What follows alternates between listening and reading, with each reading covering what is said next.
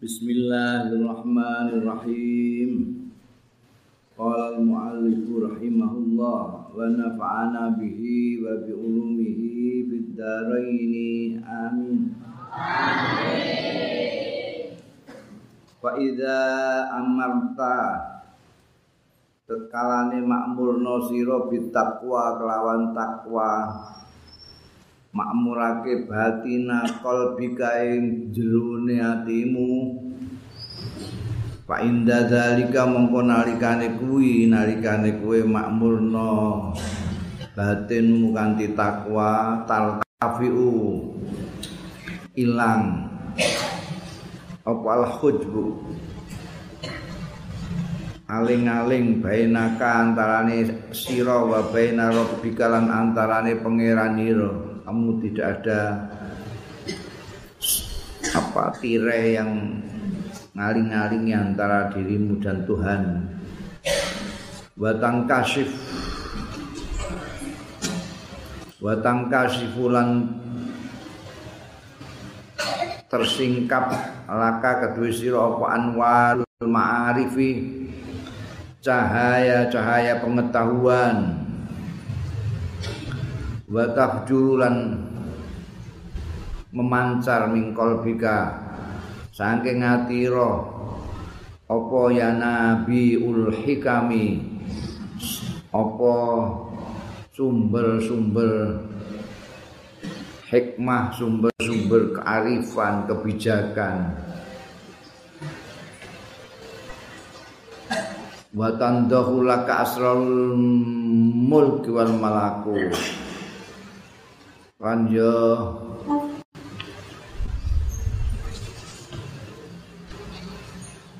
meh padha maknane bentah jura tercurah laka maring sira apa asrul malakut kelihatan semua gitu.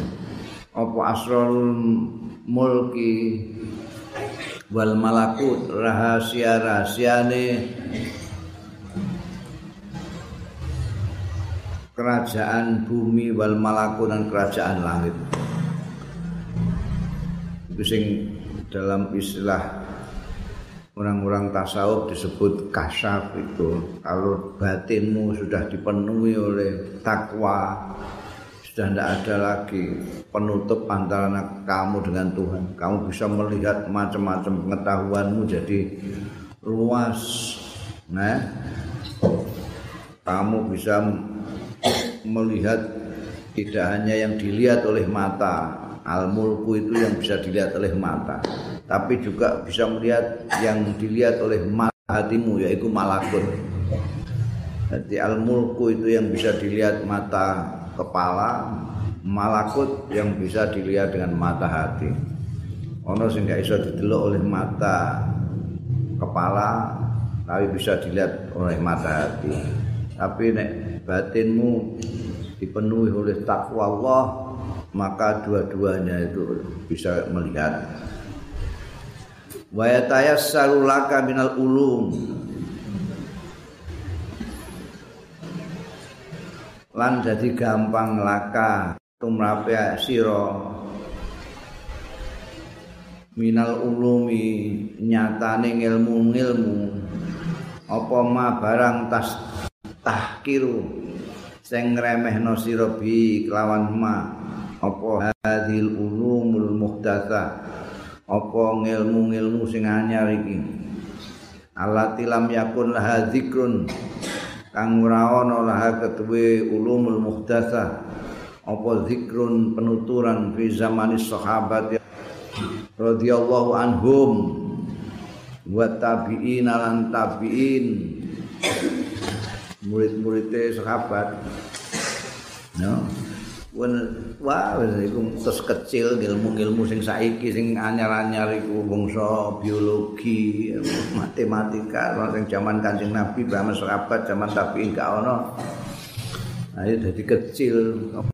Memang Imam Ghazali ini yang terakhir dalam apa perjalanan intelektualnya kan terus mantep gue tasawuf itu. Di dalam tasawuf itu nusiati yang paling pokok. Jadi hati mursik wadang ibarate kaya kaca pengilon ora ana nodane sama sekali memantulkan apa saja itu sing disebut ilmu laduni itu tapi durung karuan wong iku kuat. Endi? Sinau biasa ngene iki kowe mulai kok kelas 1 ngantek anawiyah aliyah SMP SMA perguruan tinggi. MBN ngresiki ati. Eh, si ati ora gampang. Makeh sing wong pinter-pinter tapi atine apa jenenge kotor? Sehingga tidak mempunyai sinar yang diharapkan untuk menyinari dunia ini eh malah peteng. Wong pinter korupsi ngono kuwi malah ana peteng. Wa in kunta tatlubul ilma minal kil wal qal. Lamun ana sira ana iku tatlubu nuprih sira al ilma ing ilmu mbok tupre saka minal kili wal qal saka kil dan qal. Katanya katanya. Ngono kil. Kokil qal iku nek sak secara sakniki yo wa iku. Mulai ngilmu kok Google. Kokil Google itu kan dia ngambil dari sing jawab dan menyebarkan di Google itu di toto mbek Google ini itu iku nek ana sing takon apa? Kowe nulis apa? Wakul. Iku niku nek pancen ana ngomongnya sapa iku? Kile sapa kole sapa dimasukkan di situ terus kowe iso maca wakul iyalah wadah sego insan. Mula tapi ono neh ning ngisor iku anak pirang-pirang. Wakul adalah bagian dari nyanyian gundul-gundul pacul. Wakul limpang ini kata. Jadi kilkom. Kowe ndelok Google. Mereka ngumpul nah jadi nek kok misalnya tak kok hukum ning gone Google hukum piye ya mesti jawab gak genah kabeh. Ya imakil ya imakal arep jawab iku. Nek mbok waca kabeh bingung kowe. Sing jawab ngene sing jawab ngene. Mergo Google itu hanya ngambil aja. Kayak itu mawanya wakul itu digulai kabeh Google semua yang bicara soal wakul dimasukkan situ. Siapa tahu nanti ada yang tanya tentang wakul. Ternyata gue takut tenang teman wakul. Jawab udah dret pirang-pirang. Iku ngilmu kilkol. Mulai kok ngaji ini gini kilkol ya. Iya maksudnya, iba ingkunta tatlubul ilma minal kil wal wal mura wal mira wal jidal. Saka bantah-bantahan wal jidalan debat. Hmm.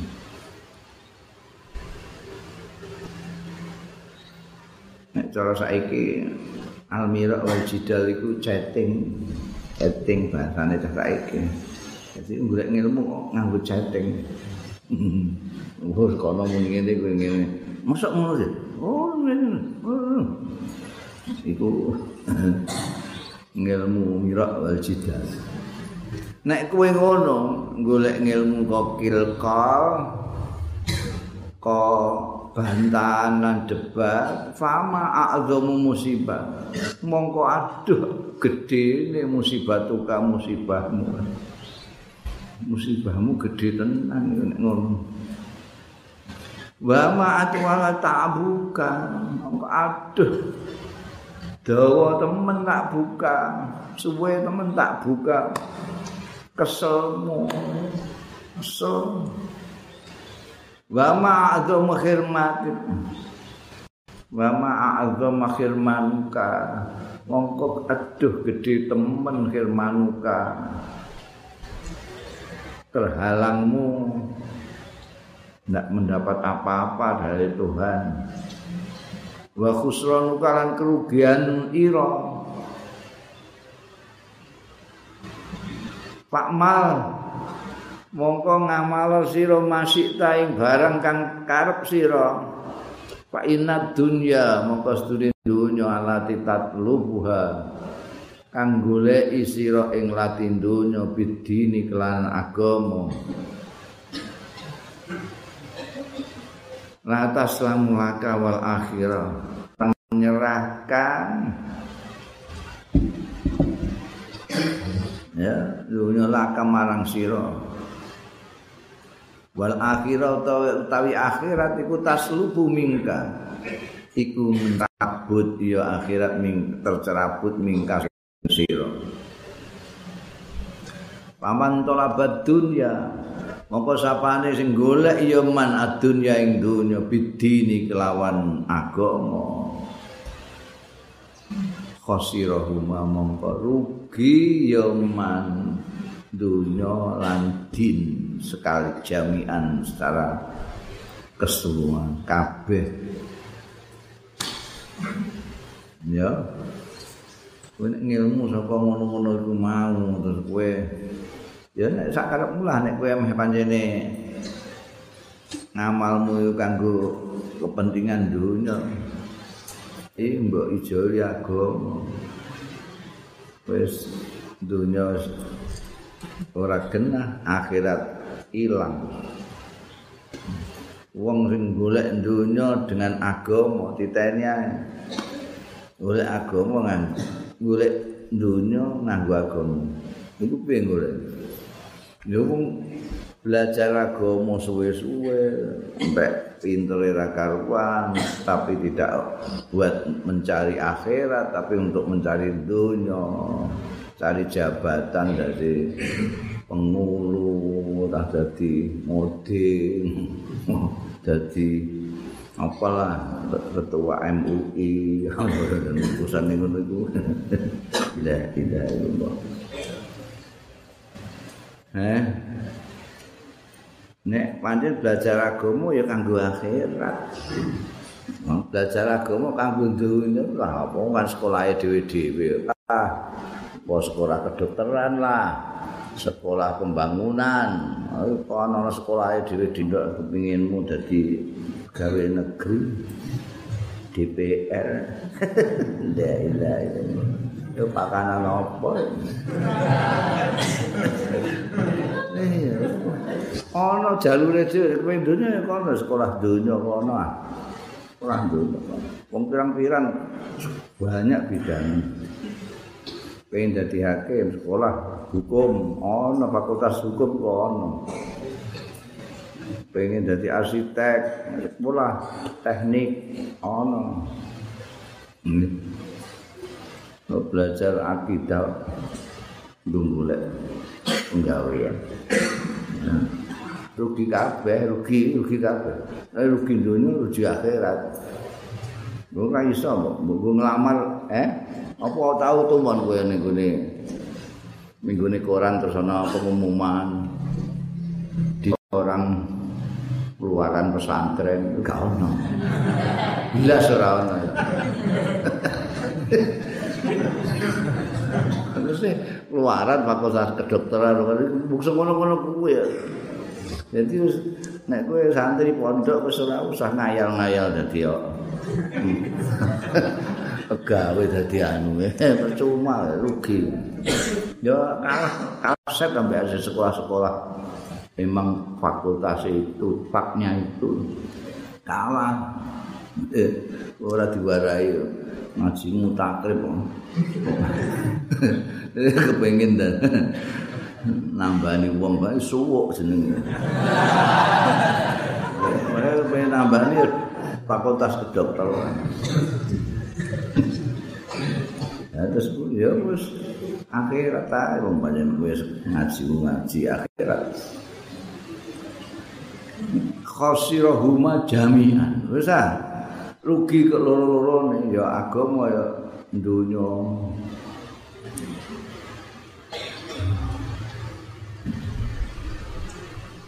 terus iki waman tarakat dunya. Sapane wong sing tinggal dunya lidini kanggo agama. Rabi kahuma jami'an. Tapi mbok wani mbok ora samane wong sing tinggal dunya lidini kanggo agama rabi kahuma mongko untung karo-karone dunya ambekan din jami'an sekabehane Tapi kalau sing wani jajal. Ora wani kowe. Ora wani. Nek mbok jajal wani jajal. Kowe sekali sudah wis iku ben kanggo ahli dunya. Aku tak akhirat ae. Engko rak dunya, dunya rak nututi kowe.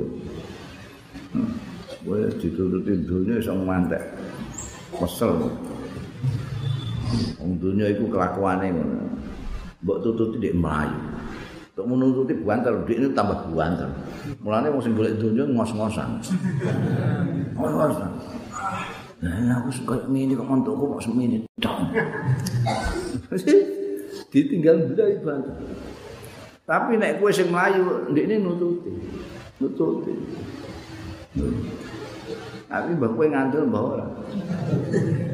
Meskipun aku ngono iki wis contoh aku iku biyen ora trima nututin dunya wah ngantek.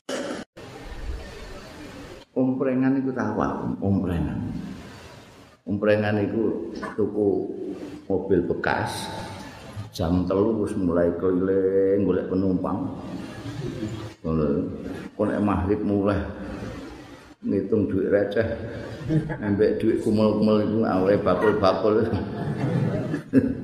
Terus di bojoku terus noto kanggo kernet iki kanggo nek ban nek rusak-rusak iki kanggo onderdil nek rusak.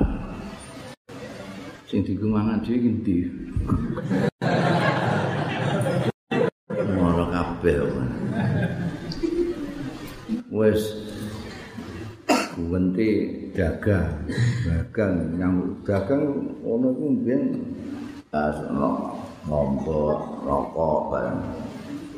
Rokok diutangi santri.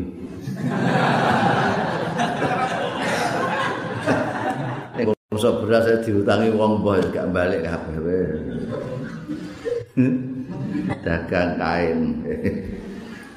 Dagang kain yang dijikuki wong wah ramene ra kawan muaris ra kawan dijikuki blok-blok kok kan emeh nake gak mentolo rasane begal wis ampun gawe mana nyambut gawe malah enak ra karuan ya iya mobil dikai wong. Ditututi. Wae ning dia ngantek ning gone Amerika ning Eropa jajan ana sing bayar terus. Jadi bingung. Iki kok ning Prancis ning Belanda itu bojoku milih souvenir-souvenir yang dienggo oleh-oleh anake, putune, ponakane gitu. Hari kali ayo mirip saja bu. Itu ya nembek ngetok no dompet wong ini balik non nembek tujuh sungkan berdo dibayari wong. Malah kok balik non kan sisan sing kuabeh jiku ira wis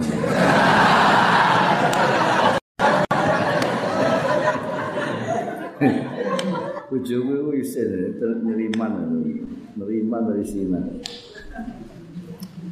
Wah, mbiyen Masya Allah nalika zaman nututin dunia itu ngono kabeh. Bojoku nek gak sabar njaluk pegat. Ya Allah. Lah ditagehi wong. Eh, jiko kain kan bayar. Wong jiko orang bayar. Iya, Jal. Kene jiko sik oleh engko bayare ngguri. Lah bayar ngguri kan ngenteni balena iki wong-wong sing bayar iki. Lah wong gak bayar balekno piye sih? Terpaksa cincin kawin didol.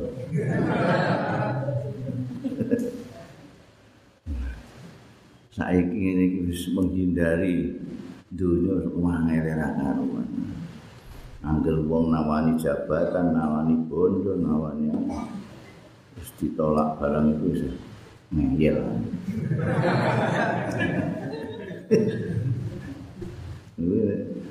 Ngandel pola be aku dengan. Ini mau rasa ini. Lalu nawang teko. Jadi mondok ake mobil. Mobil mobil cepet-cepet di Alphard itu. Kayak mobil oh ini ku kepala polisi mobil gubernur barang itu. Ini kenapa? Mondok ake mobil. Pirang tahun, pirang tahun bisa puasa.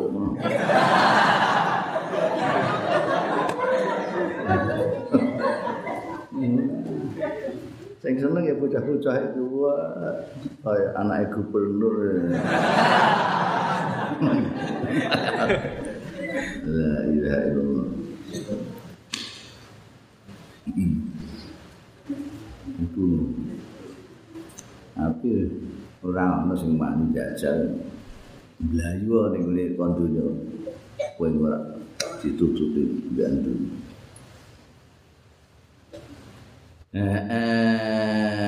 Fahadi jumal hidayah. Mongko utawi iki ku jumal hidayah jumlah hidayah. Ila bidayati thoriq tumekane kawitane dalan. Fi muamalatika ing dalem muamalah ma Allah taala satane Gusti Allah taala. Bi adai awamirihi lawan nekani nekaake melaksanakan perintah-perintah Allah. Wastina binawahihi lan ngedoi larangan-larangane Allah. Yo. Iki mana diarani bidaya ini enggak? Karena kamu masih akan nanti itu menuju ke jalan bagaimana muamalah dengan Allah Ta'ala yang sebenarnya dimulai sekarang dengan bidaya atau hidayah Kemudian diwarai bagaimana sholat, bagaimana poso, bagaimana zikir, tapi itu itu baru kawitan.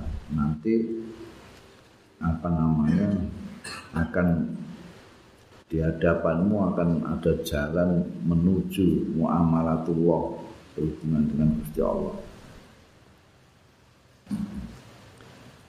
Sudah disampaikan semua. Wa usyiru alaikal an lan nuduhake sapa ingsun alaika ing atase sira al ana saiki. Bijumalin lan sejumlah minal adabi saking tata krama etika.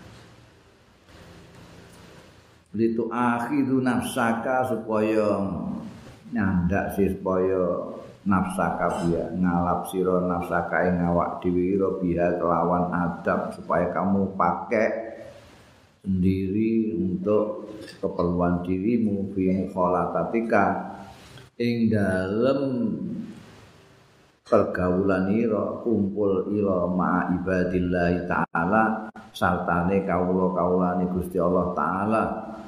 Wa suhbatika kan kekancan ira ma'hum sartane ibadallah di dunia yang dalam dunia.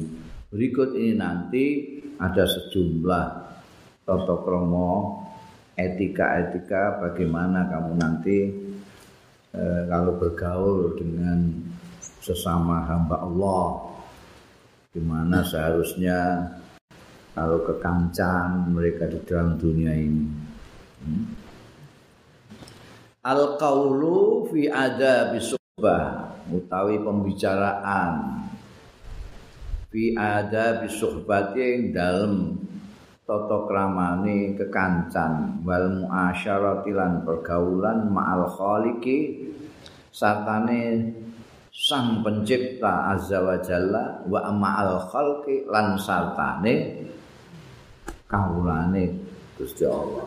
Khalqiku nek ninggone kalangan tasawuf selalu dimaknani manusia senajan makhluk Gusti Allah macam-macam tapi yang dianggap makhluk yang sesungguhnya itu adalah manusia. Kenapa? Karena manusia sing diangkat Gusti Allah Taala menjadi khalifahnya di muka bumi.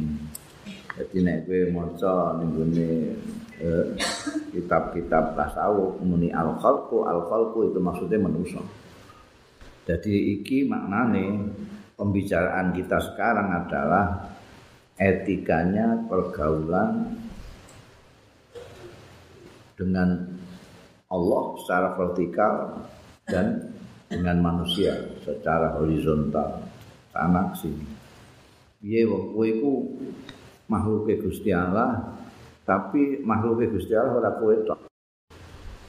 Kawulane Gusti Allah ora kowe tok. Nah, dengan sesama hamba-hamba Allah. Dengan demikian kue iso mapak ke awakmu di tempat yang pas. Jadi kaulane Gusti Allah sampai Gusti Allah piye? Jadi kaulane Gusti Allah dengan sesama kaulane Gusti Allah itu piye? Iklam anna sahibaka alladzi la yufariquka fi khaddarika wa safarika wa naumika wa iqaddatika bal fi hayatika wa mautika huwa rabbuka. Bener pengen kanca sing terus. Ngerti sira anna sahibaka astune kawan. Kancamu dalam tanda kutip nek ning anu dikai tanda kutip. Anna sahibaka kancamu. Alladzi la yufariquka sing ora misai ya ladika ing sira fi hadharika ing dalem hadharira wa safarika lan lelunganira. Ning gone basa Jawa mbah apa maknane? Kalau goleki gak ono ning bahasa Arab iku ana safar ana hadhar hadhar iku kowe ning omah safar ning gone lelungan. Kowe nek ning safar kena jamak salat tapi nek ning hadar tak oleh. Iku apa nek cara Jawa ne apa hadar itu ning omah ya gak cocok wong kowe ora ning omah lah ya hadar njaba omah tapi ora lunga itu hadar itu apa ya paling tidak dalam perjalanan Nah, ini kita mana nih, Bi? Fi ing dalam tidak perjalananmu. Wa safarika lan perjalananmu kan gak enak. Ngopo hadar itu apa? Cara nih. Gak ada Jawa. eh? Ya, Indonesia, Indonesia ini beda. Fi hadarika di nah, kondisi tidak pergi wa safarika dalam kondisi pergi Pokoke kowe paham ra wis. Banaumi kalan eh istilah itu apa itu istilah pokoke paham. Banaumi kalan poso eh naum poso saum sing poso. Naumi turu ira wa bal fi hayatika bal ing dalem uripmu wa mautika lan matimu.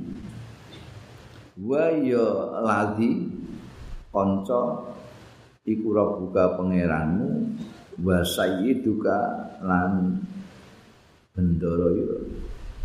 Tuanmu wa maula kalan bendoro ira wa khaliqu lan pencipta ira. Ana kancamu sing blas ora tau misaya awakmu ora tau. Sama tinggal gak ana. Angger ana kanca mesti tau pisah, tau ketemu, tau pisah. Iki ada satu kawan yang tidak pernah pergi dari kamu. Baik kamu di rumah ataupun pepergian tidak pernah meninggalkan kamu. Kamu tidur apa melek tidak pernah berpisah dengan kamu. Bahkan kamu mati atau hidup bersama betul tidak pernah meninggalkan kamu. Siapa itu? Itulah Tuhanmu, Tuhanmu, bendaramu, Sang Penciptamu Gusti Allah Taala. Itu enggak pernah meninggalkan kamu sama sekali. Liyane iku kanca iku nah, datang pergi datang pergi sesuai musim dan zaman. Tapi nek iki gak.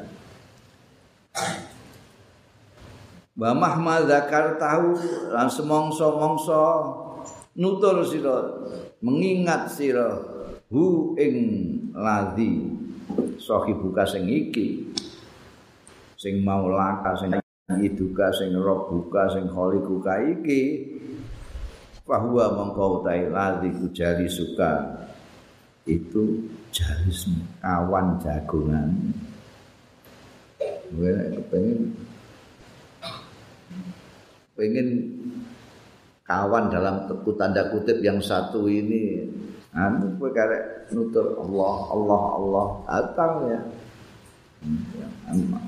Nah apa kowe jaluk apa? Nah, malah kadang-kadang sing sing pengen ora kowe tapi kono. Eh tengah dalu itu mudun. Hal min mustaghfirin hal min ta'ib ana enggak sing arep njaluk ngapura sing tobat njaluk apa ta apa? Sing ditawani mara wis iku jenenge bobor tawanan itu tawanan bobor. Gak ana sing nyaut. Ini kowe nyaut. Kula kula Il Allah taala. Jalanan wis dawuh sapa Gusti Allah taala anak jali suman zakarani Ana utai ingsun iku jali suman jalis itu kawan duduk kawan ngobrol kawan minum segala macam itu Nek kowe ngancani aku ngopi, kowe iku jalis jalisku, aku jalismu. Kawan duduk. Aku adalah jalisnya orang yang mengingatku, yang menuturku.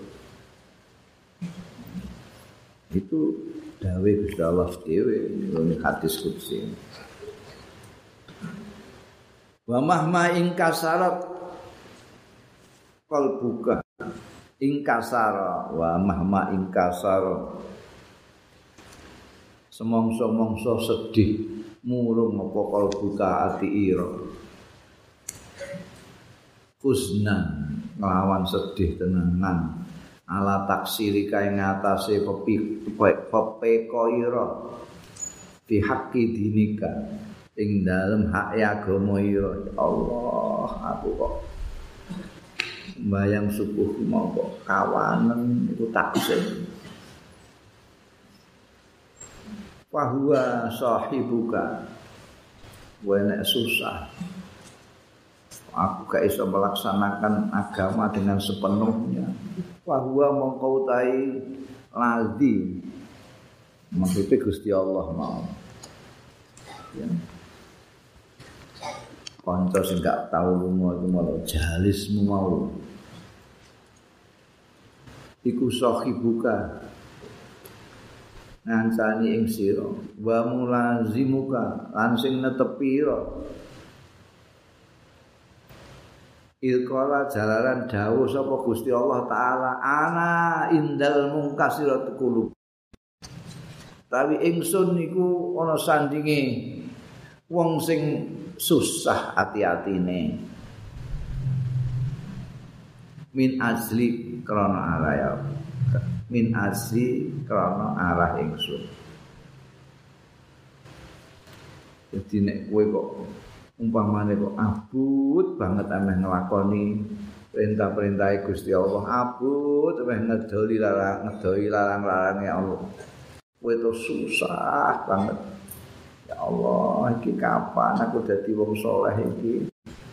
Wis meneh tuaku kok isih angel ngedoi maksiat. Kok isih abut nglakoni taat?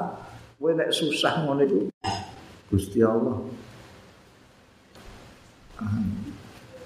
jadi jalismu menenangkan kamu menolong kamu supaya kamu bisa menjalankan perintah-perintahnya dengan baik menghindari larangan-larangannya Allah dengan baik.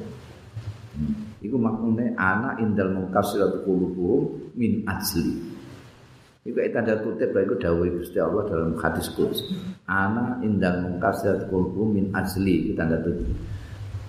Tanda kutip tutup mulai ini saka ana itu.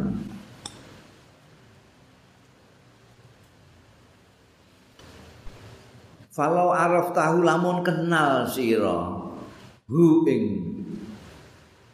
Rabbuka sayyiduka kanca sing ora tau meninggalkanmu itu mau. Rujuke mbok rujakno ning gone sapa lah? Allah ya kena ning gone Allazi mau ya kena ning gone sayyiduka ya kena ning Rabbuka ya kena ning Khaliquka ya kena. Itu maksudnya Gusti Allah. Nek kue mengenalnya hakko ma'rifati kelawan sak bener-bener mengenal. Pangeran ira latakhot tahu yakti gawe sira ing pangeran ira mau sahiban sebagai kanca. Wa tarok talan tinggal sira annasa ing manusa janiban. Di iku kamu tinggal kamu sisihkan. Janiban itu mbok mbok kiwa lah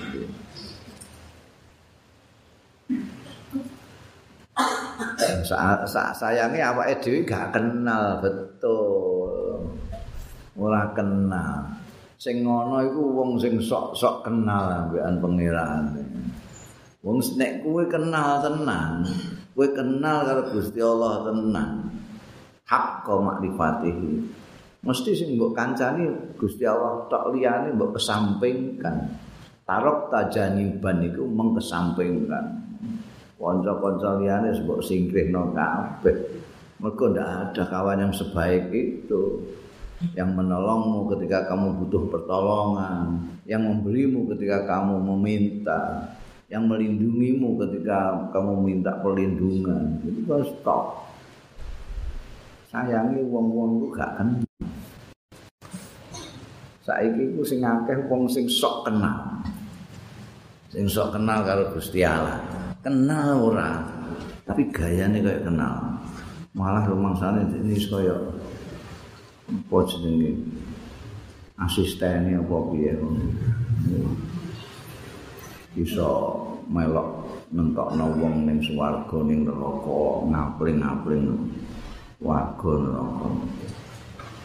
Tapi gak kenal. Padahal syarat kowe kepengin nyenengno Gusti Allah, golek ridani Gusti Allah. Iku syaratnya ya kowe kudu kenal to. Nek ora kenal mana bisa kamu menyenangkan. Kowe emeh nyenengno bojo. Kowe kudu kenal bojo, aten-atene piye, nek anggere cinta ngono ae, wis perkara kenal cek ora kenal pokoke cinta ku aku cinta maut. Karena cinta maut roh rohku mbok kekno kekasihmu. Ini lho dik. Ambek bojone digo ngelapi sepeda. Karena tidak tahu sang suami ini bahwa istrinya paling tidak suka sepan apalagi yang warnanya merah menyala. Itu paling tidak seneng warna merah menyala ambek rok sing model sepan. Iki gak kenal bojo kok gak kenal bojo. Mau modal cinta ae. Saiki ku akeh orang Islam yang seperti itu, menyintai Gusti Allah membabi buta. Tapi dia gak kenal Gusti Allah. Ora diterpiling malaikat Gusti Allah wis untung itu. Memperlakukan Gusti Allah itu kan harus tahu. Biyen itu kan pengalamanku dhewe iku aku mbek bojoku kan cinta platonis. Zaman kuno gak ono model saiki PDKT barang ra ono. Pokoke wong tuwa muni kowe iku kok mbek ya wis nggih ngono wae. Nderek ndi kongkon kawene kok dadak repot. Eh bojoku juga gitu. Tapi bojoku durung ngantek ketemu aku wis tergila-gila.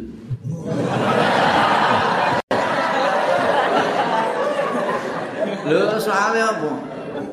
Soalnya tak surati kok Mesir ini ning Jogja tak surati kok Mesir. Mergo aku zaman kuno ya zaman kuno engko tak entukno kae. Iku aku isih ngenyang nggih. Anggere kula angsal nyurati. Nyurati ae pamitan biyen iku. Saiki goncekno barang belas Ya nek nyurati oleh berjauhan saja para apa nyurati. Jadi aku ning Mesir ning Jogja. Surat. Aku kan biyen terkenal ahli gawe surat. Oh jembu ya tenan iki.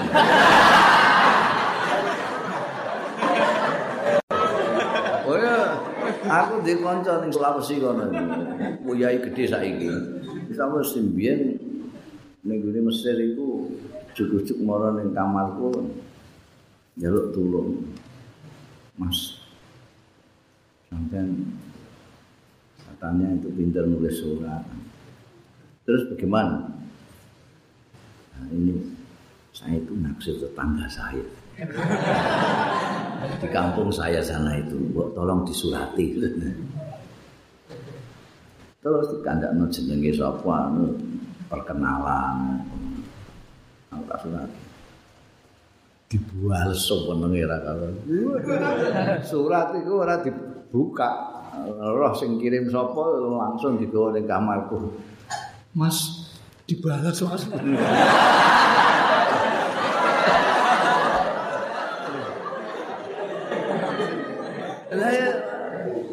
Silakan dibuka tuh. Nah, mas aja kan nanti Jadi aku sih kan buka kan maca kan malesin nih. Jadi jadi teko surat ke Sulawesi aku sing jawab. Nanti bareng kono njaluk foto baru kayak foto nih ini. Wis padha tuweke ketemu ning Mekah. Ndik ini bojone aku mbek bojoku. Dia itu ngomong bojone, ini dulu yang bikinkan surat. Kacau ya.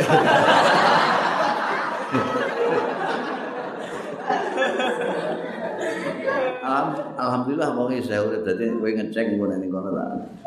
Pas nih suara sih tak kayak alamat. Nah, itu gawe no surat konco lagi orang. bakalane dhewe calon ya luwih hebat surati nampa surat kelepek-kelepek lu kok ngerti wong kowe ning Mesir kono ning Jogja mergo adikku ning Jogja bareng sekolah itu cerita Wah, ndik ini kelepek-kelepek untuk surat. Untuk surat sampean mas kelepek-kelepek. Biasanya cawe wedok iku ora mentolo njaluk foto dhisik enggak. Mesti sing njaluk dhisik iku sing lanang biasanya. Iki ora saking kelepek-kelepek e. Iya ukara kok ngene api iku wonge kaya apa. Jadi mentolo njaluk dhisik fotone. Minta fotone. Gue tak golek na fotoku sing kebenaran. Wong foto itu ana sing kebenaran ana sing ora.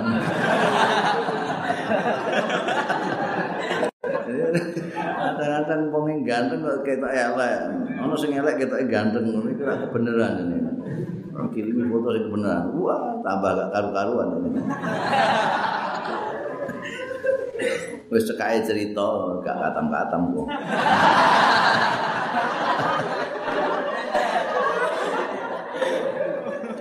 Ketika awasi cerita mulai kene saking sudah apa rindu be aku mbah piye pokoke segala macam lah. Terus apa jenenge? Rumah-rumah pertama kali itu spesial aku dimasak no opor ayam kampung. Ayam kampung opor wong wong loro tok kelopone loro. Iso bayangno bukete kaya apa? Ngoper wong loro kok kelopone loro. Buket kali-kali mau tak icipi sak sendok. Nangis. Nangis tenane kok. Nangis wadul karo maratuane wedok. Alias mbokku.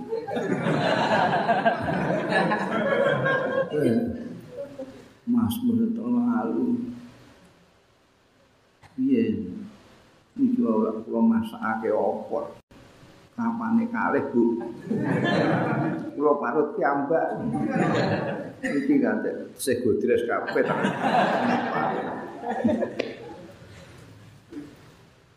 Resepe saking femina mau dicipi mau sak sendok ibuku tuh guyu ya kowe iki ra takon-takon sik takon bojomu paling gak seneng duduh sing ana santene gak seneng Kalau mbok sambelno jeruk ngono segamu entek sak paket. Tenang dijajal sambelno jeruk. Hmm. Mangan kuwakeh tenang. Kalau sambel jeruk terus.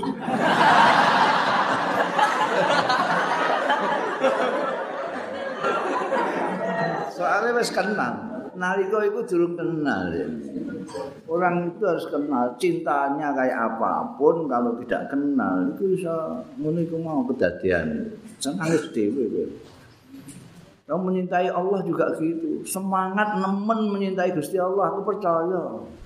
ngantek ngono kok kowe bathuk ngantek witenge ngono iku. Iku saking sepintamu mbek Gusti Allah to. Tapi kowe kenal ta ora di Jane kepengin nyenengno aku rak pore iku. Masa apa ora ndedak nganggo resep femina bareng. Tapi aku gak doyan dia pano. Mesti kan dia harus mengenal dulu saya. Senengane opo, senengane apa, lagean. ngaji sik tentang Gusti Allah, ngaji bolak-balik ngaji. Engko gak akan tahu di sana bahwa ngaji awal wajibin makrifatullah itu maca kok awal wajibin bilani Gusti Allah gak. Tapi ngenali sik. Ngaji ya.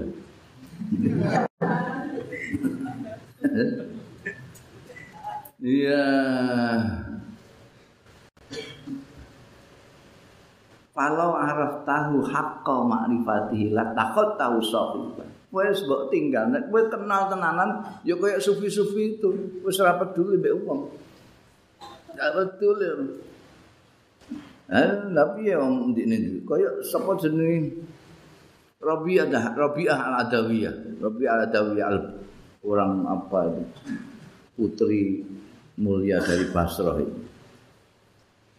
Itu itu ini abad pertama orang sufi perempuan karena cintanya mbak mbak Gusti Allah Taala sedemikian rupa itu tokoh-tokoh ulama besar sing sing ngelamar itu. Ulama-ulama besar ngelamar beliau. Aku wis duwe. Aku wis kekasih maaf ya. Tidak menerima lagi lamaran orang Sapa? Ya, Ini sing ngancani aku setiap saat. Wes ora digubris. Padahal itu wong gede-gede terkenal gak bisa. Karena cintanya wis temenanan. Mulai Imam Ghazali jauh kalau araf tahu hakka ba'rifati la tahu sahiban wa taraf kang nas janiban.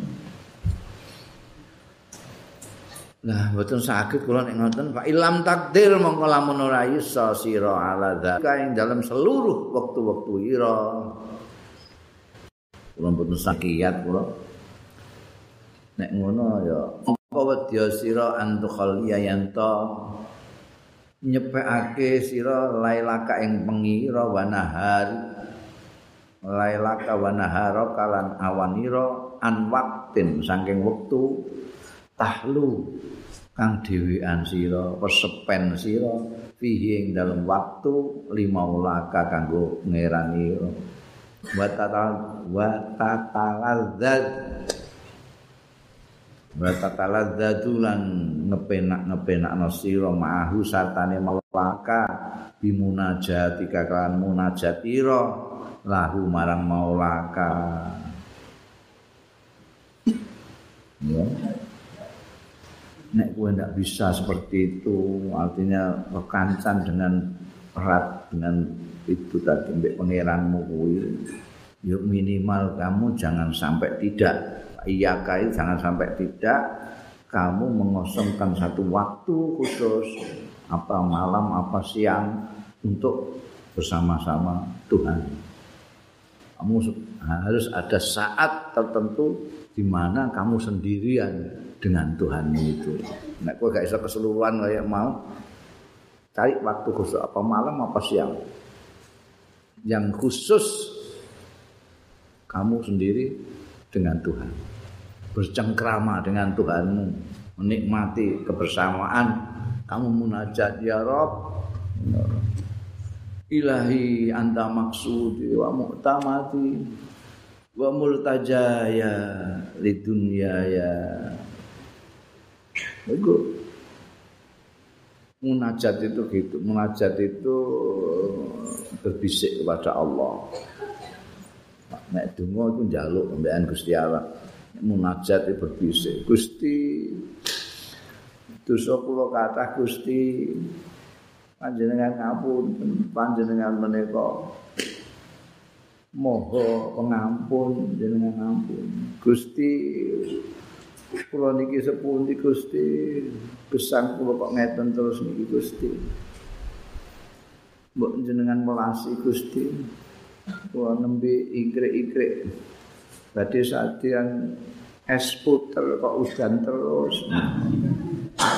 Padul munajat segala macam yang anda eh, sing mbok rasakno kula niki ngaji kok angel ngeten ngapal napa mboten apal. Apa sing pun apal malah hical anda cari satu waktu tentukan waktu di mana kamu bersendiri dengan Tuhan. Sing paling anu ya Ramadan ini Ramadan itu bersendiri dengan Allah. Madurno Ramadan Ramadan ndelok TV juga. Wong saben liyane Ramadan iso iso ndelok TV kok. Ramadan bareng iso ndelok TV kula apa? Terus kowe mbekan Gusti Allah yo kapan? Mung bulan suci ae ora mbek Gusti Allah. Embekan apa jenenge iku? Komeng. Ya Allah. Fa'alaika anta ta'allama untuk bersendiri dengan Allah. Fa'alaika maka wajib ing atase sira anta ta'allama utawi yen belajar sira bersama-sama ma Allah Gusti Allah. Kekancan karo Gusti Allah iku ana etikane. Nek pancen kowe gelem akan menetapkan satu waktu untuk bersama Allah, ya pelajari etikane bersama Allah. Napa niku? Kula tak belajar kan jenengan wa ada buha utawi tata krama tata kramane suhbah kal ada suhbah ning gone Allah iku itraqur ra'si. Menundukkan kepala. Wa ghaddut tarfi dan memejamkan mata. Wa jam'ul hammi dan ngumpulake segenap cipta. Konsentrasi penuh. Wadawa musumti lan teteping meneng meneng pada saat ini wasukunul jawarihi. Lan antengi gauta gauta wa mubadaratul amri. Lan enggal-enggal melaksanakan perintah wa mustinabun nahi. Lan ngedoi larangan. Wa qillatul i'tirad lan kidike nolak. Alal qadari ing ngatasé qadar itu ya Allah Gusti kok jenengan jenengan takdiraken ngeten Gusti. Dadi wong melarat ya ya ini. Iku iktirat halal qadar. Terima saja qadarmu wa dawamu dzikri. Lan langgenge zikir tidak pernah melupakan sekejap pun. Wa mulazamatul fikri. Lan tepi pikir. Alladzina yadhkuruna allaha qiyaman wa qu'udan wa ala junubihim wa yatafakkaruna. Itu. Jadi ya zikir ya berpikir itu harus digunakan zikir dengan hati berpikir dengan pikiran.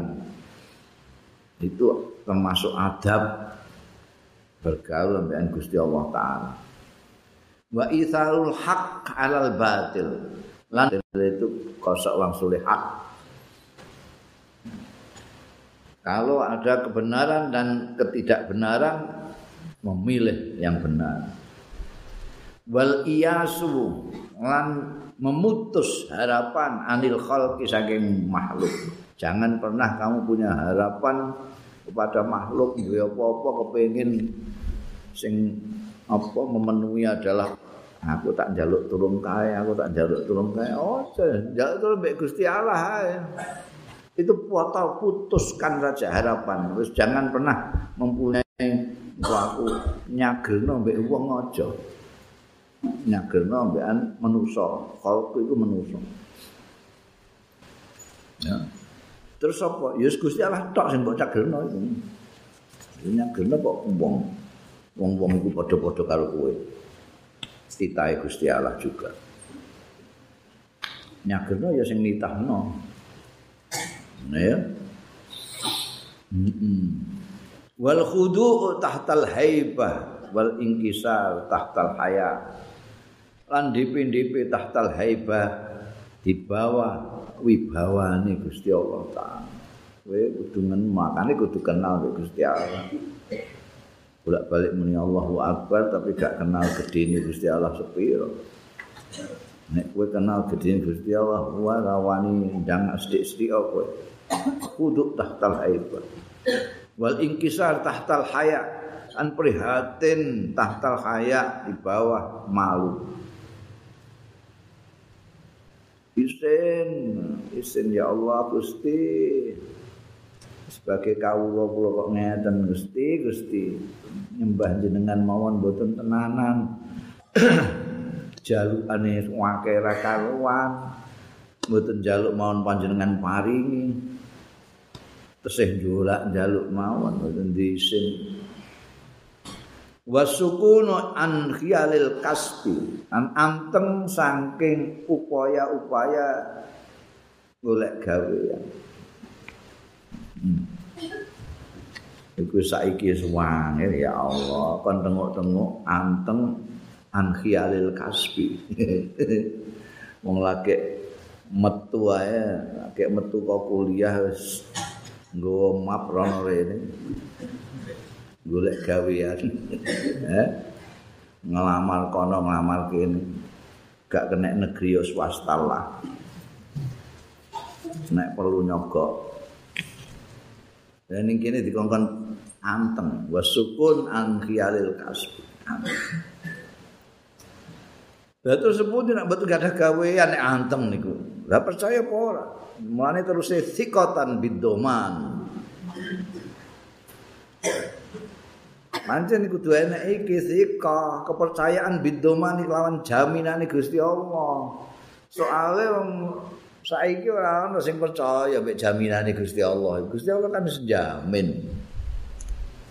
Apa saja yang gegremetan dititahna Gusti Allah ya sing makani sing nguripi ya Gusti Allah.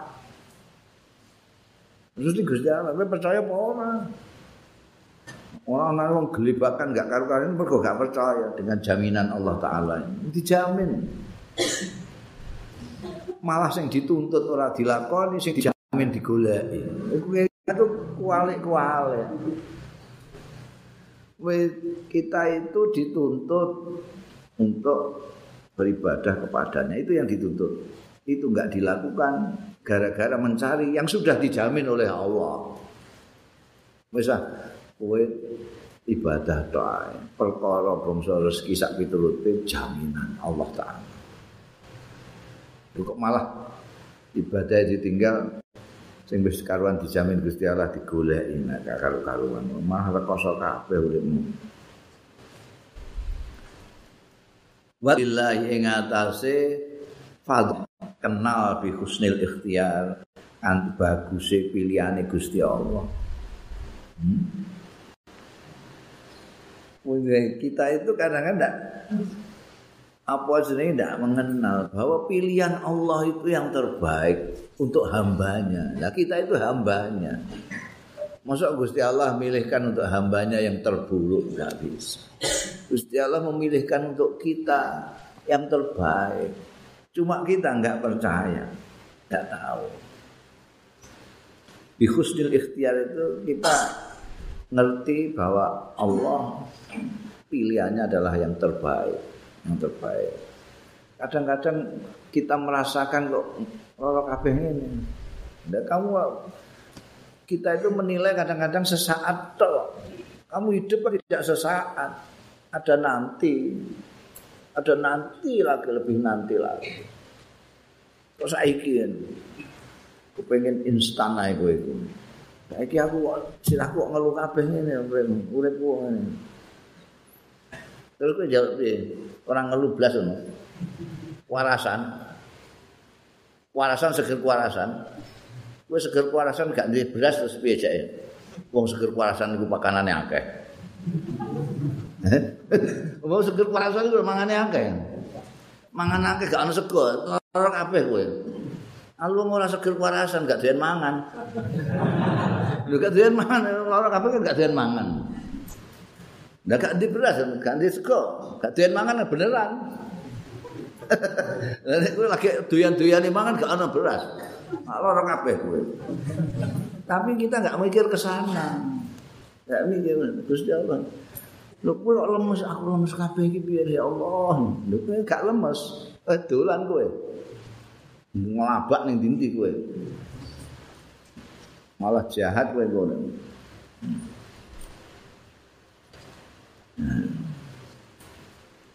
Itu dilera ini Mau niku dilereni kantor niku, masyaallah di PHK kok. Eh, ya alhamdulillah kok di PHK. Kowe dadi bebas. Oh ning kono. Iku nek gak korupsi kowe. Nek jepo ngene korupsi apa kowe? Di pokoknya Gusti Allah memberikan pilihan. Ini kita menduga-duga loh. Ya aku nek dadi pegawai negeri mesti enak iki. Terus ini lah apa udah ngono iku. Hmm, sesuk nang ibdas.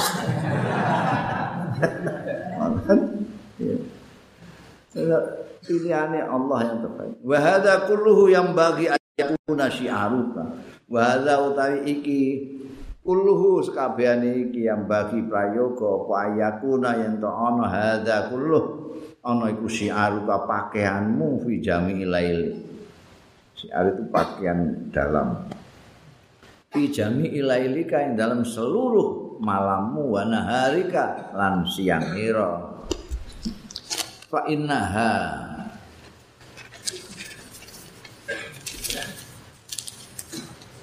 Fa innaha apa iki fa innaha mongko setuhune kok jujuk ada pesoba apa ya hmm? terusnya beda fa innaha apa terusnya hmm?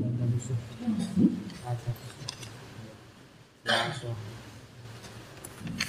Mungkin ana terus Pak Indah iki mosok gak ana terus Iku apa kowe? Nah. Eh iya, mungkin dikai kurung barang lah apa? Kurung kan itu yang bab anyar nek kurung. Pak Inaha mau setuhune itu semua jami ulai kana harika nganggo syiar itu tadi semua iku ada busuhbah iku tata kramane kekancan bergaul bersama-sama ma'asahibin sartane kanca san sartane sebarengan layu farikuka sing ora misai ya sahib ing sira. Itu tadi mbek Gus Pangeran gak tau ngundang kowe sama sekali. Wal khalqu kulluhum utai manusa kulluhum sekabehane khalq iku yufarikuna mesti misai ya kulluhum khalqu ka ing sira. Fi ba'di auqatika ing dalam sebagian waktu-waktu ira. Ya. Itu tadi untuk sahib yang tidak pernah meninggalkan kamu. Manusia yang lain itu mesti meninggalkan kamu entah kapan. Gundel iku ora ana titike ora ana komane blas. Wa ikun aliman lamun ana sira ana iku ngaliman ngalim nek kowe ngalim. Kemuga kowe dadi wong ngalim. Nah iki adabe nek kowe dadi wong ngalim. wa ing kuntalamun ana sira ana iku aliman ngalim fa adabul alim mongko tai tata krama ning ngalim iku pertama al ikhtimal ikhtimal itu.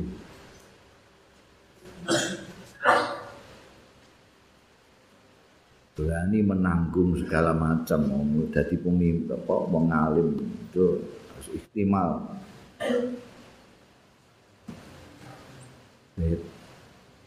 Ana wong kowe wong sing duwe ilmu santrimu sing ngarep golek ilmu saka awakmu dadi kamu harus menanggungkan semua jangan kok.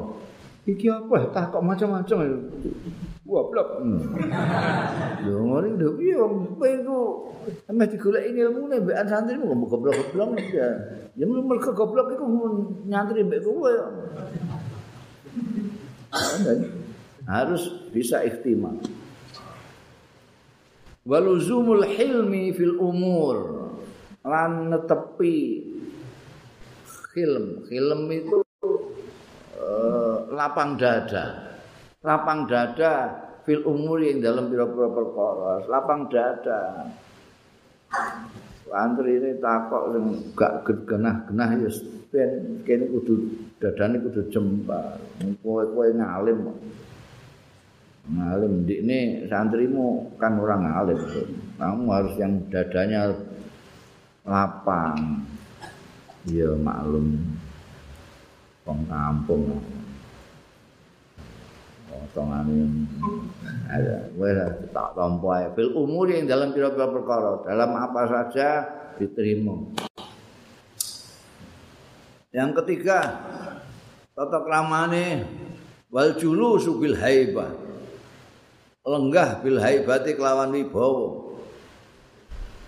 Ala simtil waqari ing atase bentuk yang anggreng ma'a itroki roksi sartane dingklokake sira.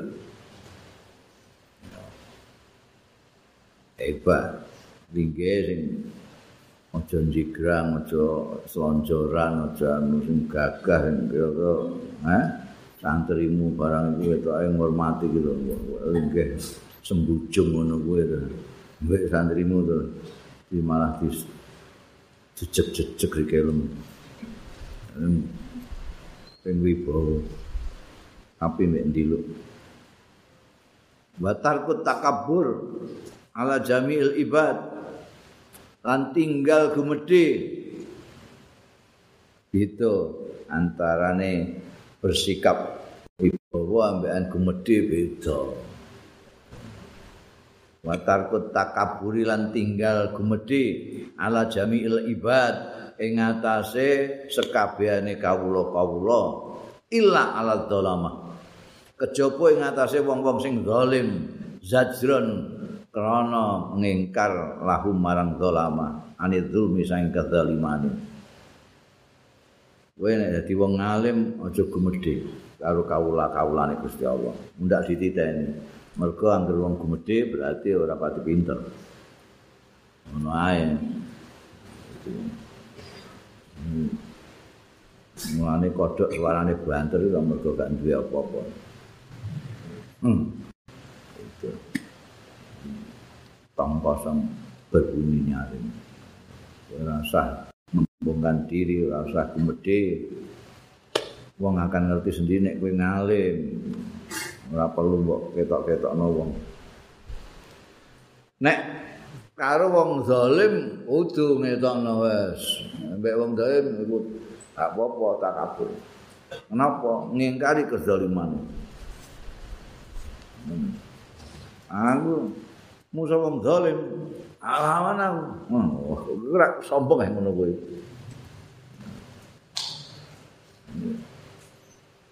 tapi mergo zajran lahum anidulumi bukan karena orangnya bukan tapi karena kezalimannya. Jadi kalau kezalimannya. Zalim nek dijalno ae wah dotro wa isaru tawaddu'i lan memilih tawaduk fil mahafili ing dalem persamuan-persamuan wal majalis lan forum-forum. Majelis-majelis itu kamu memilih tawaduk daripada wah jika-jika kadang-kadang ono sing kepengin ngetok-ngetokno nek dene hebat kowe engko nek ngalim munasahmu tekane wayahe wong wis teko kabeh kowe lagi teko mbek nggawa pengawal pirang-pirang. Oh, oh, oh. Wah usah sing tawadu nek perlu wong gak roh nek kowe kok ngalim itu ning persamuan-persamuan banyak orang gak tawadu. Ora kok terus golek panggonan VVIP. Oh, eh wong golek ngarep dhewe. Endi kok gak ana tulisane jenengku. Pengen sing ditulisi ning kene. Oh, Kiai Haji. Yo. Ora usah. Anake ngono sak enake. Awaduk. Batalkul hazri wa da'abah. lan tinggal guyon wada apa ninggune mahafil aja kakean guyon aja kakean bercanda warifku bil muta'allim lan lemah lembut sing alus bil muta'allimi kerawan santri sing belajar. Sing belajar iku aja kejem eh ngaruh piye wis ngerti bolong eh iku izhar apa ikhfa apa ya duka kok duka to cung? Ngetos terus e. Tuwabok sisan jane aja ngono ngalus eh. Rifki itu ngono. Oh, terus kudu nabok ban apa? Wa ta'anni bil muta'ajrif. Lan tamban-tamban ya sabar tenang bil muta'ajib lawan wong kisah muta'alim sing muta'ajib muta'ajib iku sok ngono lho. Kowe takoke gayane.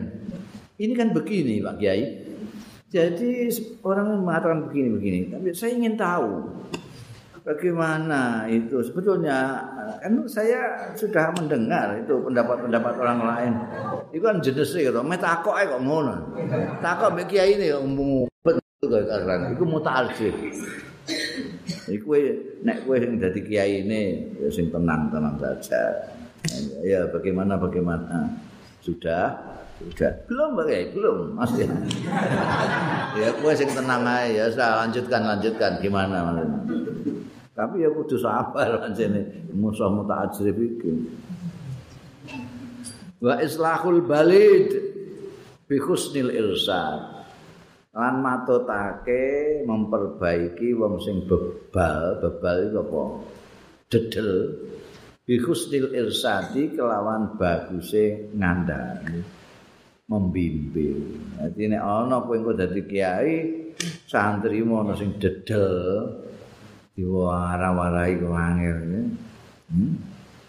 ulaika ulaika ulaika ulaika ulane sing dawa ula dawa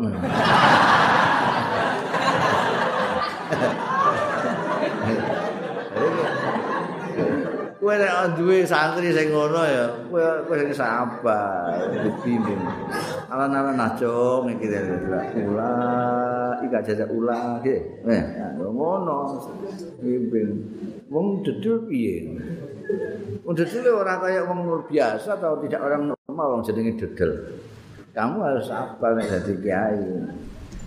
Nek ora wis kukut ae rasa dadi kiai. Dadi kiai kok gak sabaran. Wah, kalau kabeh pantri duwe dele ngene iki. Batalkul harat. No, batalkul harat. Tinggal muring-muring alaihi ngatasi balik. Senajan wong balik itu wani malah stres. Tapi gak oleh kowe stres gak oleh. Kowe ngamukan gak oleh. Ngamuk dengan orang santrimu sing dedel gak oleh. Talkul harat meninggalkan ngamuk. Jangan ngamuk. Wa talkul anafa lan tinggal gengsi mau mingkauli la adri saking ucapan orang ngerti. Iku akeh wong kadung terkenal dadi kiai, apa meneh kok kiai? Ustad ngono ae ora tahu muni la adri gak ono kowe delok ah ngene TV-TV mbok takoki apa ae ustad iku iso jawab jadi ana wong kok mbok takoki apa ae kok iso jawab iku maknane bodho. Apa ae kok iso dijawab itu berarti dia ngerti segala ilmu. Ndak ada orang yang ngerti segala ilmu itu jadi nek ana wong kok ditakoki sembarang dingah kok jawab mesti baulo pamer bodho. Kaono wong sing ngerti segala macam itu. Mulane kowe rasah gengsi meskipun diundang Pak Yai utawa ustad kowe aja gengsi muni enggak ngerti aku. Iki takokno liyane lah kiai sing liyane enggak ngerti.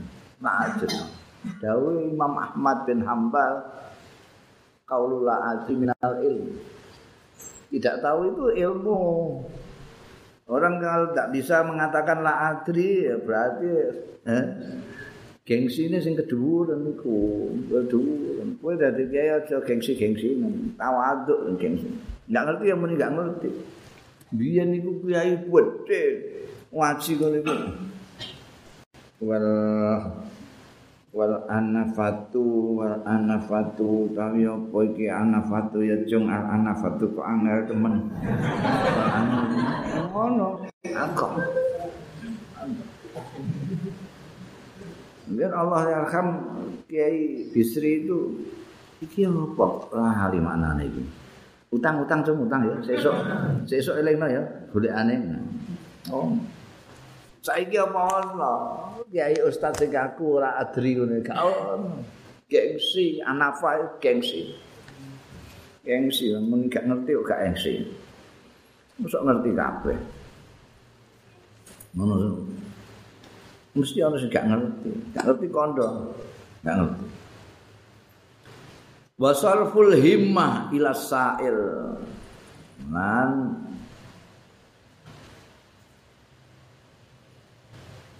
ma basarful himmah ila sa'ili. An apa basarku itu? Pakai bermuni la adri saya kalau buka la adri. Sarfu itu apa? Ngenekno itu apa aja ya? Aku ngerti paham tapi gak ngerti bahasa nih sarfu manokno himmah ila sa'ili Aku bahasa Arab iso tapi bahasa Jawa gak iso. bahasa Arab iso, bahasa Indonesia Jawa ini sing ora iso. Bahasa full himah itu artinya kowe nek dadi kiai itu kamu harus apa namanya memperhatikan betul terhadap pertanyaan itu. Aku himah. Aja kok gak mbok rungokno wong takok gak mbok rungokno.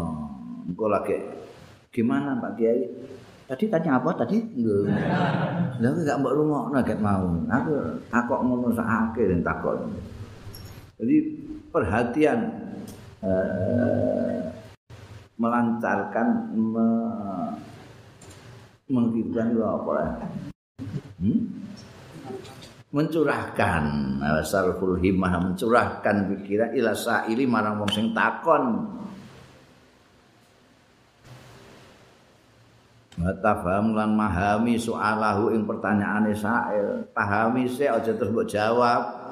Ya nek iku sing ditakokno nek ora.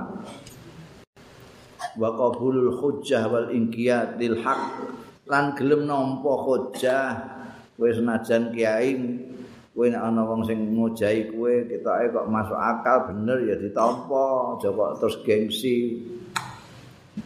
Mau kiai kok kon nampa bal ingkia lan manut lil haqqi marang kebenaran. Birujui kelawan bali ilahi marang hak. Indal hafwa fi narikane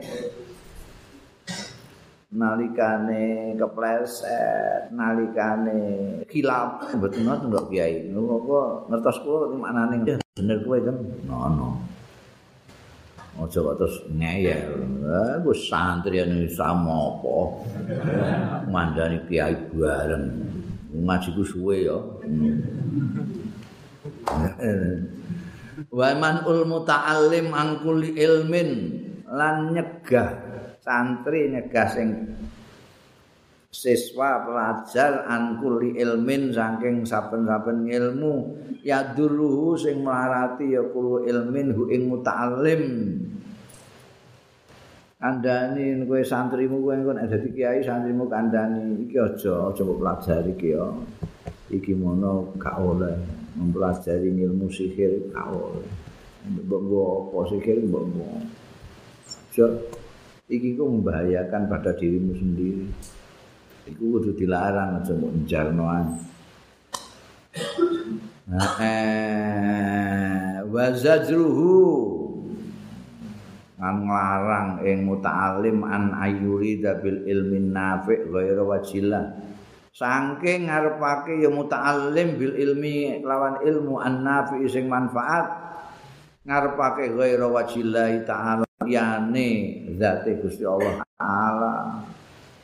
Santrimu nek kowe dadi wong alim santrimu aja entuk.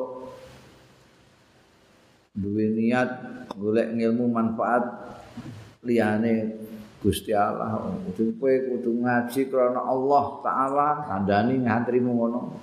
Aja mergo golek kedudukan aja mergo kepengin dilem wong aja kepengin darani pointer sak piturute semata-mata hanya karena Allah. Wasaddul muta'allim lan ngadang diarang-alangi aja ngantek. Diadang-adang aja ngantek. Wasaddul muta'allim ngalang-alangi wong sing bidau kantrimu an ayas tahila saking yen to ketu kifayah qoblal faragh sak durunge rampung min fardil ain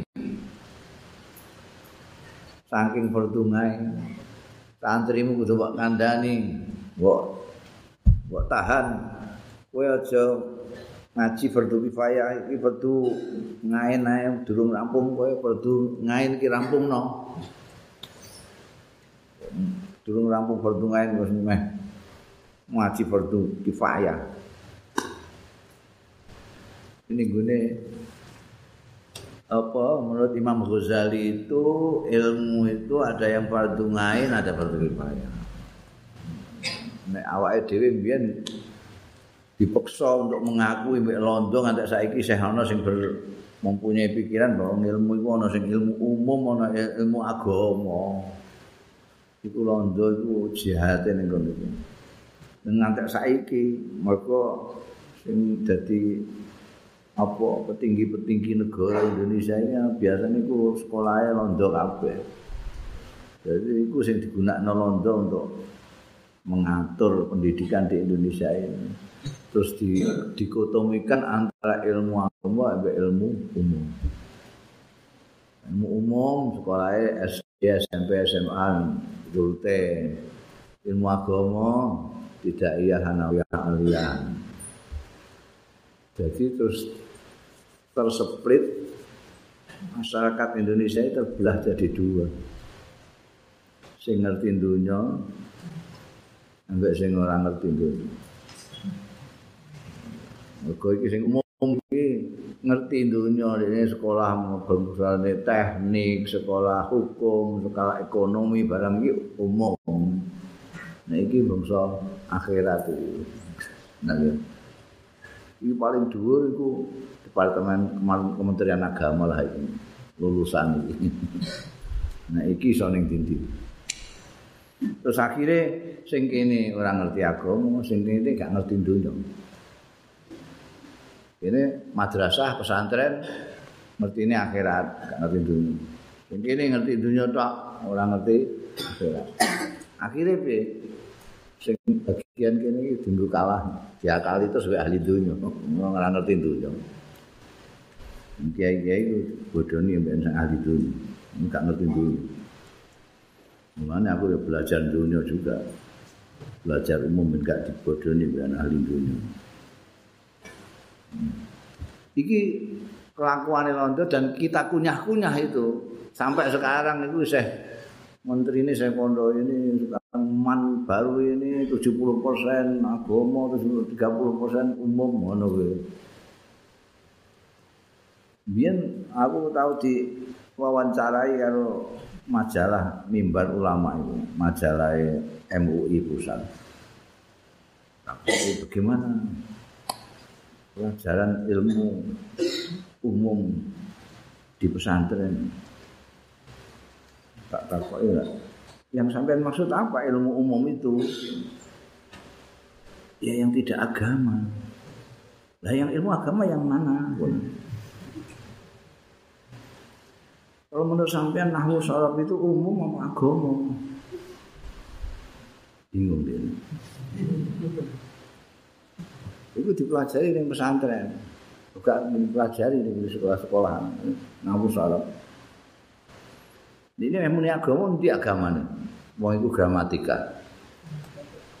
Gramatika bahasa Arab itu nahu salah ini kan gak bisa menjawab terus loh Pak Kiai yang wartawan kan saya yang yang tanya-tanya Pak Kiai jadi ya. Lalu pertanyaanmu enggak kena ya. Nek cara Imam Ghazali jelas ilmu dibagi hanya dua. Adu kifayah benar. Maka bisa terlepas dari sistem imamah di Iran, di Iran itu kiai-kiainya yang disebut ayatullah itu. Dia bisa bicara soal politik, budaya, militer segala macam. Dan ini gak bisa. Ono kiai berpuisi ngono bingungnya gak karuan. Kiai kok berpuisi jadi. Jadi gak kenal sampean kumpulan puisi Imam Syafi'i apa Kenal kumpulan puisinya Sayyidina Ali apa? Dius Syafi'i diwas kena nambah londo itu enggak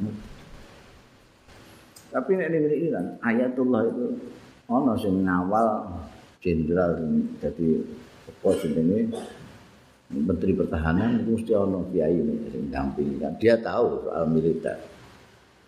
Karena ilmunya integral, tidak di split umum agama umum agama. Jadi siji. Kan nek Imam Ghazali ilmu dua. Ilmu fardu ngain fardu kifayah. Anu fardu kifayah. Kedokteran fardu kifayah. Jadi nek gak ono sing mempelajari kedokteran dosa kabeh. Pertanian fardu kifayah. Nah, itu. Ya fardu ngain ini piye wa fardu ainihi islahu dhahirihi wa batinihi bit taqwa ya sing ilmu fardu ain ya ilmu tentang Gusti Allah mengenali Gusti Allah dulu ain itu.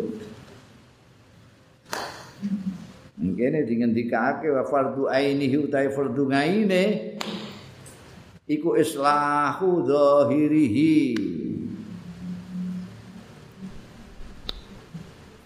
fardu ngaine muta'alim iku islahu dhahirihi matotake lahire muta'alim wa batinihi lan batine muta'alim bit taqwa kelawan takwa wa muakhadzati nafsihi kan ngalap awak dhewe ne muta'alim awalan ing dalam kawitane bit taqwa kelawan takwa lah rujuke ora ning gone muta'alim tapi ning gone alim. Mung kowe sing alim. Ini sira kok saiki alim. Jadi pertama kali kowe dadi wong alim kowe dhisik sing harus mengoreksi dirimu sendiri awalan. Bitakwa kelawan takwa ini harus ngambil takwa pertama kali. Lihat tadi al muta'alim awalan bi amalihi supaya mengikuti sapa santri muta'alim sing bibinau awalan yang dalam pertama kali bi amali kelawan amalia amaliae alim. Wa yastafida lan amrih faedah ya muta'alim sanian ambal keduanya min akwali saking pengendikan pengendikane alim. Jadi mulang ini santri-santri mungko itu kamu harus memulai dulu dengan ilmu fardu alim, fardu ngain dan kamu duluan yang harus melaksanakan. Jadi kalau takwa itu kamu laksanakan dulu supaya santri-santrimu mengikuti takwa itu gitu. Wong Islam sing apik ngono kuwi. Itu yang pertama harus itu. Dia supaya melihat laku dulu, lakune sang guru, sang ustadz, sang kiai dulu. Baru nanti sing kedua penjelasane kowe kudu ngene, kudu ngene sing apik karo kanca sing iku omongan itu kedua. Yang pertama laku. Mulane Kanjeng Nabi Muhammad sallallahu alaihi wasallam itu ketika pertama kali bintang itu sing kono. Pertama kali itu Quran datang kepada Rasulullah sallallahu alaihi wasallam. Itu dilaksanakan tuh sebelum kanjeng Nabi ngajak orang-orang itu kanjeng Nabi langsung Allah memerintahkan akimis sholat. Jenengno sembahyang. Kanjeng Nabi sholat dulu. Diperlihatkan kepada sahabat-sahabat dan baru mendikan solu kama ra'aitumuni usolli salato sira kabeh kaya aku orang sudah melihat dulu kanjeng Nabi sholat lah nek kowe ora salah terus kowe ngomong mbek santrimu salah to kowe Atur sinten iki? Kaya kaya kaya sapa ya? Repot kowe. Kaya sapa gak ngerti kowe. Karena kamu gak makan itu. Jadi awalan itu harus apa jenenge? Mau awalan bi amalihi. Wa yastafidu sanian min akwalihi. Baru yang kedua dengan ucapan-ucapan. Iku nek kowe dadi wong alim kiai ini. Wa in kunta muta'alliman lamun ana sira ana iku muta'alliman. Santri nek kowe santri piye? Adabe. Dadi ana adabe dadi kiai adabe dadi santri. Kowe nek kepengin ngerti tata kramane dadi santri iki. Wa ing kunta lamun ana sira iku muta'alliman wong sing bibinau santri fa adabul muta'allim mongko utahe tata kramane muta'allim santri ma'al alimi sartane wong sing alim ayab da'u bitahiyati wassalam. Yen to ngawiti sira hu ing alim bitahiyati kelawan penghormatan wassalam lan salam. Kowe nek ketemu kiaimu kowe. Wa ayyuqallila baina yadaihi al kalam lan yentong idekake ya muta'allim baina yadai ana ing ngarsane alim al kalama ing geneman. Aja geneman dhewe kowe aja geneman dhewe nek ning ngarepe kiaimu. Kowe madhep ning kiai kok omongan mbek kancamu dhewe. Kiai ku ngomong apa? Ya Eh, engko iki ndelokan kok bal-balan kok gak Lho ngarepe kiai gak adab ngono wis jenenge. Wa ayu qallila baina yadayhi al kalam. Walam yatakan wala yatakallamu lan aja geneman. Wala yatakallam aja geneman. Malam yasalu ustazu. Selagine ora dangu hu ing muta'alim sapa ustazu gurune. Gak ditakoki meneng ae. anu Ustaz saya dengar-dengar kok anu sing nakoki kowe sapa wala yasalu lan ora takon sapa muta'allim malam yastazin selagi ini durung njaluk izin awalan awitane nek emeh takok Nuwun sewu kiai badhe tangkut ngono, aja kok terus langsung. Iki nek anu sepundi man. Iku gak diadab. Wala alu malam yasta'din awalan. Wala yaqulu fi mu'aradati qaulihi lan ora ngucap sapa muta'allim fi mu'aradati qaulihi ing dalem nentang dawuhe alim. Kala fulan bikilafi makul terus fulan mendika sapa fulan dan fulan bikhilafi makulta kaun berbedani barang kulta ingkang dawuhake jenengan. Kowe aja muni ning gone kiaimu. Oh mireng kiai anu kok mboten ngoten kiai? Hmm. iku jenenge gak adab iku dikandani kiai kowe iki sing ngene-ngene ngene maaf kiai. Itu saya pernah dengar kiai anu kok tidak begitu katanya. Kok lain seperti itu iku jenenge gak diadab mek kiai ini wala yusiru alaihi bi khilafi ra'yi lan aja nuduhno sapa muta'allim alaihi ing atase alim bi khilafi ra'yihi kelawan berbedani pendapat alim. Payara mongko ningali sapa muta'allim anausune muta'allim iku a'lamu luweh ngerti bisa api kelawan sing bener min ustadi saing gurune. Muta'allim mulai ora kaya-kaya dekne luwih ngalim karo ustate. Lah nek kowe luwih alim lah apa kowe dadak sinau ning ngene dekne iku lah. Wis ora usah kowe mulang dhewe ra. Kalau menurut saya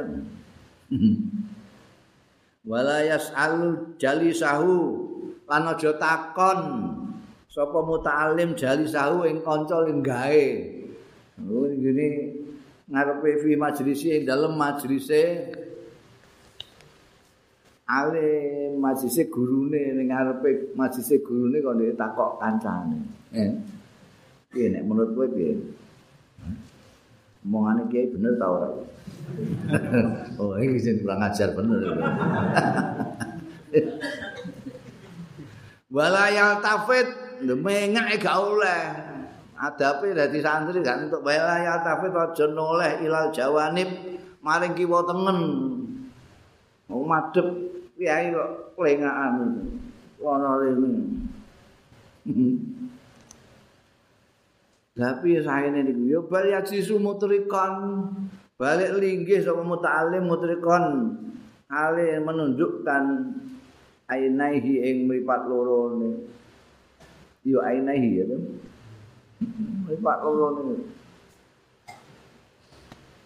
Sakinan ale antem muta'adiban sing duwe stopan khusuke kowe nek kepengin entuk ilmu sing barokah.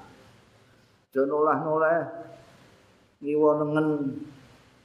Untuk saja ngantem kayak wong salat. Hmm.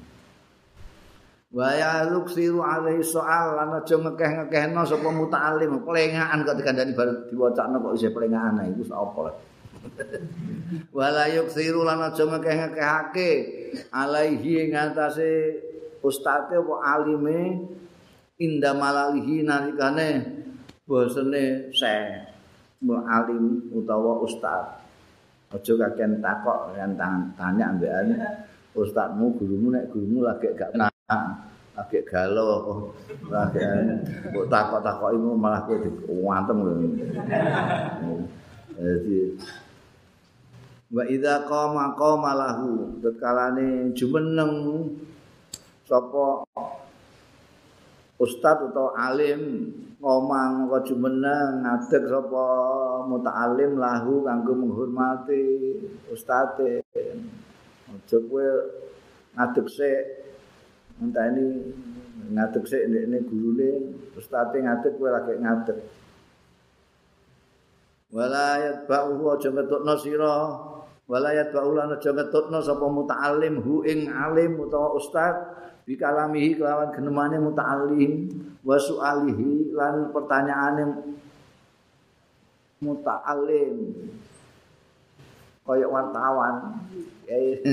Ustaz ngadeg mbok tututi. Anu ustaz niku nek anu sepundi ustaz? Ya aku wis bali ngono. Iki? Pertanyaan kula nembe kelingan kok. Anu mbok tutno ambek mbok tokak takoki ngono. Kayak wartawan nututi pejabat ngono kaya. Ini aja iku gak diduga ngono iku.